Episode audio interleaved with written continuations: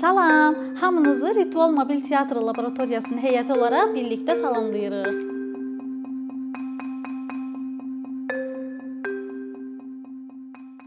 Bu günləri biz sizə e, sosial mövzuların teatr vasitəsilə tədrisindən danışacağıq. Bu cəmiyyətdə niyə görə vacibdir və əhəmiyyəti nədən ibarətdir?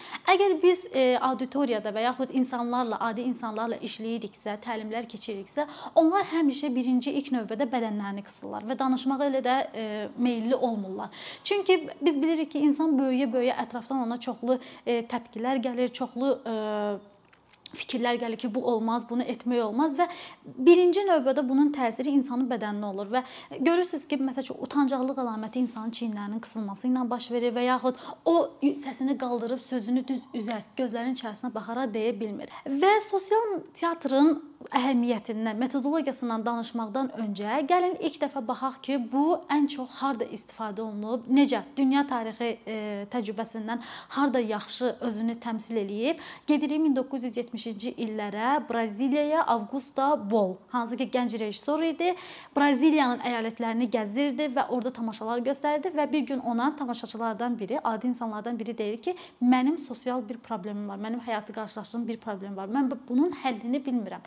Bəs mən bunu necə həll edə bilərəm? Avqusta Bol, yəni mən qısa şəkildə danışıram.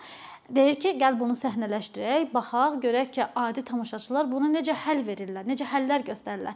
Təbii ki, əgər biz bir məsələyə öz baxış bucağımızdan baxıb bir həll yolu veririksə, bu məsələyə digər insanların baxış bucağı fərqli ola bilər və bizim heç vaxt ağlımıza gəlməyən həll yolları təklif edə bilərlər.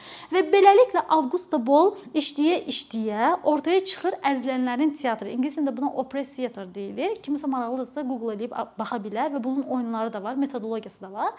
Və Augusto Bol bunu ilk növbədə Braziliyada, həbsxanalarda, kəndlərdə, əyalətlərdə gəzə-gəzərək adi insanların içərisində forum teatr vasitəsilə həyata keçirir. Azərbaycana gəlirik. Biz nə üçün bu metoddan istifadə etməyə başladıq? İlk növbədə onu deyim ki, bizim e, yaratdığımız Ritual Mobil Teatr Laboratoriyası adından da gördüyün kimi bir ayinlər üzərində qurulub. Bu nədir? Bu bizim yuxularımız ola bilər, bu bizim travmalarımız ola bilər, bu bizim arzularımız ola bilər, bu bizim hədəfimiz ola bilər, bu bizim bir məsələyi göstərmək istədiyimiz e, necə deyim, e, fikrimiz ola bilər. Hansı ki biz bunu ifadə edə bilmərik. Biz başa düşə bilmərik ki, biz bunu necə ifadə etməliyik. Amma teatr bizim üçün bir e, səhnə yaradır ki, biz ora çıxaq bədənimizlə bir yerdə. Biz göstərək ki, ey insan, mənə qulaq as. Əgər əlin içi açılırsa o çağırışdır. Mənə qulaq as. Və yaxud biz iştirakçılara öyrədirik. Əgər sənin bir zorakılıq hadisən varsa, o zorakılığı sən birinci öz bədəninlə göstər. O zorakılıqla sən necə qarşılaşmısan? Məsələn, əlin içi açılır. Bu nə deməkdir? Vurmaq. Və sonra biz deyirik, bəs sən bunu sülhə, sən bunu qeyri-zoraki vasitəyə necə transformasiya edə bilərsən? Əl avtomatik, elastik şəkildə çevrildi. Hansısa rəqs vasitəsinə çevrilə bilər, hansısa adi ifadə vasitəsinə çevrilə bilər. Yəni bizim birinci fikirlərimiz həmişə sözdən əvvəl bədənimizlə e, ifadə olunur. Ritual dediyim kimi bir ayindir. İnsanın, adi insanın öz içərisindən çıxarıb göstərmək istədiyi bir ayin. Şamanizm də ola bilər, hansısa bir dini ritual da ola bilər, öz arzularımız da ola bilər. Və bunları biz mobil şəkildə yerimiz olmadan gəzə-gəzə göstəririk. Yəni hara çağırılırıqsa, hara yer tapırıqsa, uşaqlar ola bilər, böyüklər ola bilər, qocalar ola bilər, narkotik vasitələrdən istifadə edənlər ola bilər, musiqiçilər ola bilər. Hər yerə, hər cəmiyyətin hər bir təbəqəsinə rahat şəkildə gedə biləcək bir e, belə deyim də, teatr mobil teatrdır. Laboratoriya ona görə adını laboratoriya qoymuşuq ki, insanlar işlərində olan hər bir şeyi ortaya tökürlər. Və tə təbii ki, bu laboratoriyada hansısa bir kimyəvi maddələri qarışdıranda ortaya yeni bir məhsul çıxır. Və bu teatr laboratoriyasında da sən öz arzularını, sən öz istəklərini, sən öz danışmaq istədiyin sözü ortaya qoyub göstərirsən, nümayiş etdirirsən. Əgər məsəl üçün bir sözü alma, alma fırlanır. Bir kəs almanı fırlana-fırlana göstərirsə, digər almanı başı ilə hərəkətini göstərir və bəziləri almanın nə bilim ona dialoq qatır, danışdırmağa başlayır. Və bizim e, istifadə etdiyimiz metod bundan ibarətdir ki, biz auditoriyanı seçəndə həmin auditoriya üçün ehtiyacı olan bir mövzunu seçirik. E, inklüzivlik və yaxud əlilliyi olan şəxslərlə davranış qaydaları və yaxud narkotik vasitələrdən istifadə, heyvanlara qayğı. Məsələn, belə bir təcrübə danışım ki, e, məcburi köçkünlərin məskunlaşdığı bir düşərgədə qapı-qapı gəzib uşaqları yığdıq və mövzumuz heyvanlara qayğı idi və bu da kukla teatrı vasitəsilə həyata keçiriləcəkdi. Bizim ümumiyyətlə teatr metodologiyasında belə bir şey var ki, e, əvvəlcə mövzunu aşılayırıq. Bax, heyvanlara qayğı deyəndə nə başa düşürsüz? Heyvan. Dilimizdə o qədər mövcud olan söhbət sözlər var ki, məsələn, deyirik ki, dovşan kimi nə qorxaqsan və yaxud it kimi nə sülənirsən, it kimi bütün günü küçələrdəsən. Bu bizim ümumiyyətlə cəmiyyət olaraq heyvanlara olan davranışımızdan sərgidir. Çünki biz nə təbiətlə ünsiyyətdəyik, nə heyvanlarla ünsiyyətdəyik, nə bir-birimizlə rahat şəkildə ünsiyyət ola bilirik. Ona görə də bizim bu atalar sözləri, məsələlər dediyimiz mövzular və yaxud el arasında dolaşan həmin bu danışıqlar sosial olaraq həyatımıza, münasibətlərimizə, davranışlarımıza təsir edir. Və biz bunları yavaş-yavaş işləyirik. Təbii ki, özümüz də bundan öyrənirik. Özümüz də bu vərdişlərimizi, çünki özümüz də eyni cəmiyyətdə böyüyürük. Bu vərdişlərimizi yavaş-yavaş əritməyə, yumşaltmağa başlayırıq. Məsəl üçün, e, uşaqlarla danışanda belə bir söz deyirik ki, e, uşaqlar, siz baxın, e, bu plastikləri biz təbiətə atırıq. Plastiklərin nəticəsində nə baş verir? Və orada bir şəkil göstərirdik. Tısbağadır, hansı ki belinə e, plastik e, dolanır və tısbağa həmin e, plastikin dolanması nəticəsində eroziyaya uğrayır, belə deyək də, və 8 guşəli bir çanaq alınıb. Uşaqlar ona baxırdılar. Sonra dedi ki, yaxşı uşaqlar, baxın bu 3 dənə fərqli şəkildir. Biri tısbağadır, biri başqa heyvandır, biri başqa heyvandır. Bunların bir yerdə bir hekayəsini qurun. Çox maraqlıdır ki, uşaqlardan elə bir hekayələr gəlirdi ki, biz onlara bir dəfə şəkil verdik, hansı ki bir xallı bəbir idi. Sonra xalsız bəbir idi və sonra isə bir xallı bəbir 8 dənə balası ilə idi. Və uşaqlar uşaqlardan biri bunun hekayəsini gətirdi. Hekayəsi nə idi? Uşaq dedi ki, bu xallı bəbir əvvəllər yaxşı gəzirdi, sonradan isə xərçəng xəstəliyinə tutulduğuna görə bunun xalları töküldü və bütün heyvanlar oyuna ünsiyyəti kəsdilər, danışmaq istəmədilər. Hansı ki, həmişə biz bullying mövzusunu deyirik. Şuuraltı uşaq bunu hekayənin içərisində işləyir. Amma o sağalandan sonra onun xalları özünə qayıtdı və bütün heyvanlar oyuna dostluq eləməyə başladı. Onun başqa heyvanlar kimi çoxlu xallı balaları oldu. Və sonra da biz bunu analiz eləməyə başlayırıq. Uşaqlar kim bunu oynamaq istəyir? Uşaqlar gəlirlər, hərəsi bir heyvan olur. Bunu oynaya-oynaya izah eləyirik. Aha, bəs realda bu insanların üzərində baş versəydi biz buna necə münasibət göstərərdik? Məsələn, sosial mövzuların tədrisini biz həmişə planı işləyəndə bunu auditoriyanın yaş həddinə görə qururuq və biz heç vaxt bilmirik ki, həmin auditoriyada nə cür işləyəcək. Bəzən qurduğumuz proqramlar heç də effektiv olmur. Məsəl üçün, təlimin birinci günü əgər auditoriya ilə mövzunu işləyiriksə, təlimin ikinci günü həmin auditoriyanın enerji səviyyəsinə görə çalışmalar dəyişilir. Elə auditoriya olur ki, Onlar incəsənətə meylli olurlar, bədənləri açıq olur. Bura daha çox əlavə olunur teatr çalışması, rəqs, bədənin hərəkəti və təbii ki, ana mövzu, hansı ki, sosial bir problemi əhatə eləyir, onun açıqlaması ilə bir yerdə auditoriyada işlənir. Amma elə auditoriyada olur ki, biz onlarla işləyəndə enerji səviyyələri aşağı olur, amma mövzu müzakirəsinə çox açıq olurlar və burada biz yavaş-yavaş teatr çalışmalarına keçid eləyirik. Məsələn, uşaqlarla işləyəndə biz əsasən kukla teatrı e, çalışmalarından istifadə eləyirik. Bu çox effektiv rol oynayır. Uşaqlar çox meyllidirlər özləri nəsə yaratsınlar və adətən biz istifadə eləyirik nələrdən? Tullantılardan. Məsələn gördüyünüz bu iki e, kukla e, uşaqlar tərəfindən hazırlanmayıb, mən tərəfindən hazırlanıb. Çünki adətən təlimlərdə uşaqların hazırladığı əşyaları, oyuncaqları biz onlardan ala bilmirik. Artıq o uşaqların öz yaradıcılıq vasitələrini çevirir. Özlərinin bir vasitəsi olur. Bunlar isə mənim öz e, nümunə üçün hazırladığım gəlinciklərdir. Hə, gəlinciklər gördüyünüz kimi bunlar corablardan hazırlanmış gəlinciklərdir. Başlarında adi e, tikinti materiallarında istifadə istifadə edilən, məişətdə istifadə olunan e, tullantılardan qalmış saplardır. E, plastik sap var, şələ silmək üçün olan e, parça var. Və bu cür gəlinciklər biz onlara adi şəkildə baxdığımız tərzdə uşaqlar üçün çox böyük yaradıcılıq e, vasitəsi olur və uşaq bir gəlinciyi, bir oyuncağı hazırlayandan sonra deyir ki, mən bunu etdim. Artıq bu nədir? Bu uşağın kiçik yaşlarında əldə etdiyi bir uğurdur. Amma Məsəl üçün mən bir təcrübəni bölüşmək istəyirəm. Ağdam rayonunda bu sərhəd yanı e, bölgələrdən birində işləyərkən biz kiçik uşaqlarla çalışırdıq. Təbii ki, e, auditoriya həmişə 15 nəfər, 12 nəfərdən artıq olmur. Çünki uşaqlar çox aktiv olurlar və Biz təlimdən çıxandan sonra qaldığımız kənd yerində qalırdıq. Kənd sakinlərinin birinin evində qalırdıq. Təlim bitəndən sonra təlimə qoşula bilməyən uşaqlar gəlirdilər bizim qaldığımız evə axşam ki, nə olar bizə də bir şey öyrədin, biz də bir şey eləyək. Bizim də materiallarımız dolu idi və uşaqlarla oturub əlfəcinlər düzəldirdik. Kitabın arasına qoyulan əlfəcinlər. Və bu uşaqların yaş həddi 8, 9, 10 idi. Bir dəfə də belə oldu ki, 15 yaşında bir oğlan gəldi, qoşuldu bizə, 15-16 yaşlarında. Oturub bizə baxır. Biz də orada güllər kəsirik, belə uzun kağızlar kəsirik. Baxıram oğlan deyirəm ki, qoşulmaq istəyirsən bizə. deyir ki, yox, yəni ki, artıq kişiləşmə gedir də, böyüyür. Yox deyir, mən qoşulmuram və böyüklər də o yandan müdaxilə edirlər ki, hə, o kəsə bilməz falan.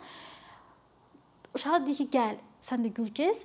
Balacalardan biri tez onun üçün gül çəkdi və həmin o oğlan hansı ki artıq yeniyetmə yaşına keçirdi, başladı gülü asta-asta çəkməyə, kəsməyə.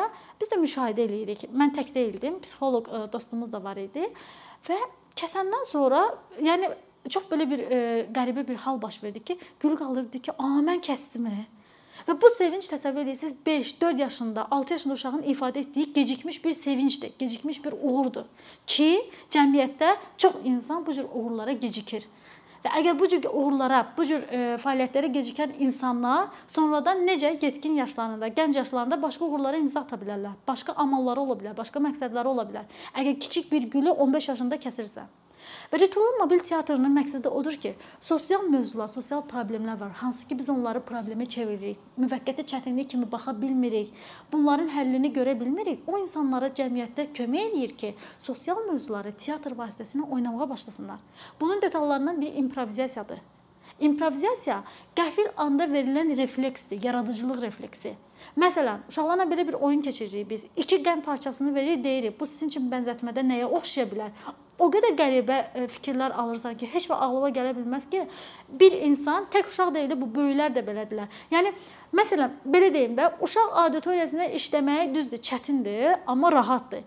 Böyüklərin auditoriyası elədir ki, böyüklər həmin kiçik yaşlarda həmin uşaqlar olurlar. Böyüdükcə bədən bağlanır, böyüdükcə fikirlər bağlanır, böyüdükcə ətrafdan gələn müdaxilələr insanı özünə yadlaşdırır. Biz sosial mövzulara keçid etməzdən əvvəl biz onlara aşılayırıq. Sən cəmiyyətdə ümumiyyətlə kimsən? Sənin kimliyin nədən ibarətdir? Sən insan olaraq kimsən?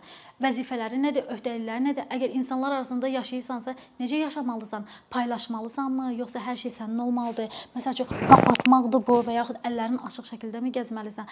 Sonra biz bunu başlayırıq ifadə şəklində gəzməyə. Məsəl üçün bizdə auditoriyada belə bir şey olmuşdu ki, e, işlədiyimiz bir qrupda 2 nəfər gəlmişdi təsbehlə, oturmuşdular belə, əlləri də belə. Deyirik ki, bəs bu gün sizə e, əlilliyi olan şəxslərlə e, cəmiyyət cəmiyyətdə inklüzivlik mövzusunda təlim keçəcək. Teatr əsaslı teatr, biz teatr oynayanıq. Məsələn, bu cür ifadə vermişlər.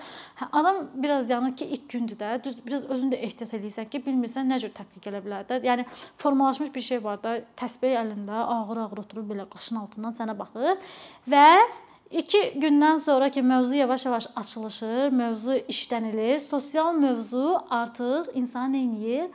Üstündəki o buzları yavaş-yavaş sındırıb tökməyə başlayır. Hamı deyir ki, "A, deməli yaşadığım yerdə fərqli həyatlar da varmış, fərqli fikirlər də varmış." 25 yaşında adam indiyə qədər eşitməyib bunu. Sonra deyirik, "Hə, gəlin yavaş-yavaş əllərimizi qaldıraq, bir barmaqlarımızı işlətməyə başlayaq." Birdən-birə demirsən ki, çıx oru belə hərəkət elə falan. Yəni ki, o oturmuş insan birdən-birə hərəkət elətdirə bilməzsən. Ana mövzu keçildi, sosial mövzu, sosial problem işlənildi. Yavaş-yavaş bədənin kiçik hissələri hərəkətə başlayır.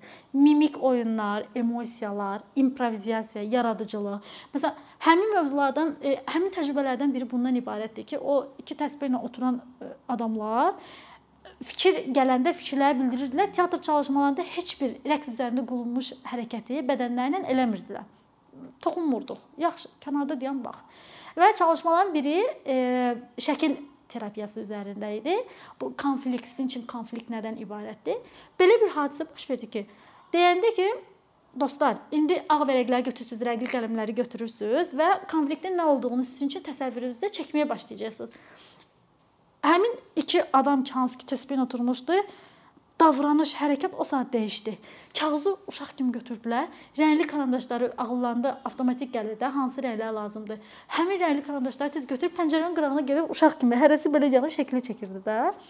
Və təsəvvür eləyirsiniz, adam içərisində yatmış, unutduğu bir uşaqlığı geri qayıtdı. 25 yaşında geri qayıtdı ki, "Hey, mən burdayam." Və adam artıq başlayır nə ilə? Rənglərlə, toxunuşla, yaradıcılıqla həmin o sosial mövzunu, sosial problemi ifadə eləməyə. Və adama şans verilir, ifadə elə. Ətrafındakılar səni dinləyir. 10 nəfərdir, 5 nəfərdir. Qulaq asırlar sənə. Hansı ki, indiyə qədər sənə evdə heç kim qulaq asmayıb. Yaşadığın kənddə, əyalətdə, ətrafında səni heç kim insan kimi saya almayıb. Amma bu auditoriyada sənə qulaq asırlar, sənə dinlənirlər. Nəticə nə olur?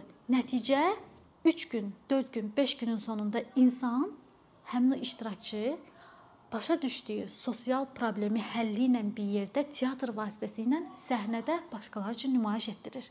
Mən burdayam, mən danışıram, mən göstərirəm. Siz dinləyirsiniz, gəlin həlli bir yerdə tapaq. Sosial mövzuların teatr vasitəsilə tədrisinin nəticəsini daha bir nümunədə çəkmək istəyirəm. E, kiçik uşaqlara keçdiyimiz heyvanlara qayğı təlimində biz müəyyən sessiyalardan sonra tamaşalar göstərildi. Uşaqlar həmin kukla teatrı ilə tamaşaları göstərdilər və sonra uşaqlardan biri dedi ki, e, müzakirə eləyirdik. Valideynlər də gəlmişlər. Gözləmədiyimiz sayda o məcburi köçkün düşərgəsinə o qədər uşaq gəlmişdi ki, hamısı bir-birinin əlinə atıb gəldi ki, "A, tamaşadır da." Gülürdülər. Yəni bu çox böyük effektdir də. Sən heç bir ssenariyə toxunmursan, heç nəyə əl vurmursan, uşaqlar özləri ortaya bir məhsul qoyurlar. Ümumiyyətlə insan özü ortaya bir məhsul qoyur. Hamı baxır ona, hamı effekt alır. Həm baxana həzz verir, həm də göstərənə həzz verir. Və uşaqlardan biri dedi ki, mən bir fikir demək istəyirəm. Onlar mən gəlib əlini belə qaldırdı. Dedi ki, hə gəl. Çıxdı hamının qabağına dedi ki, bilirsiniz, deyir indiyə qədər e, düşərgənin həyətində lager. Lagerin həyətində it var idi. Mən ona daş atırdım. Amma mən bundan sonra ona çörək atacağam. Adam feili dəyişmir. Adam feilin zoraki mənasını qeyri-zorakiyə çevirir. Yəni kiçik yaşında bir uşaq feili dəyişmir, atmaq feilini dəyişmir. Amma atdığı daş yaraladığı bir heyvanı indi atacağı çörəklə həyata qaytaracaq. Teatrın gücü budur. İncə sənətin gücü budur.